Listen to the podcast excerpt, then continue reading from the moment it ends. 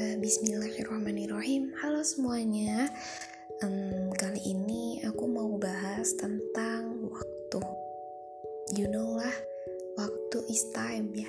Kita tahu bahwa waktu itu Susah ya untuk didefinisikan Dan memang sulit untuk didefinisikan karena kita itu sebenarnya nggak tahu waktu itu apa sih.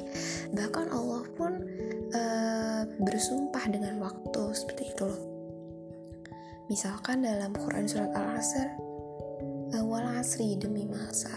Surat Ad-Duha, wad duha demi waktu duha. Alail walaili demi waktu, demi malam gitu.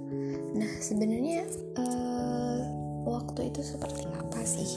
Dan waktu itu emang susah didefinisikan dan uh, mungkin sedikit uh, mengambil dari hadis ya terkait dengan waktu dan sedikit insight dari hadis ini yaitu uh, kita itu diberikan waktu oleh Allah itu untuk hidup itu untuk apa? Kemarin sudah dijelaskan ya manusia dan jin itu diciptakan untuk beribadah kepada Allah. Quran surat Az-Zariyat ayat 56 ditambah lagi ketika kita uh, sudah diberikan waktu untuk beribadah terus apalagi? Kayak gitu tugas sebagai khalifah tugas kita sebagai manusia sebagai khalifah ya suatu saat nanti kita akan diberi pertanyaan suatu saat nanti kira-kira uh, waktu kita itu untuk apa masa muda kita itu untuk apa harta hartanya hartanya kita itu dari mana dan dikemanakan dan yang paling penting uh, amalan apa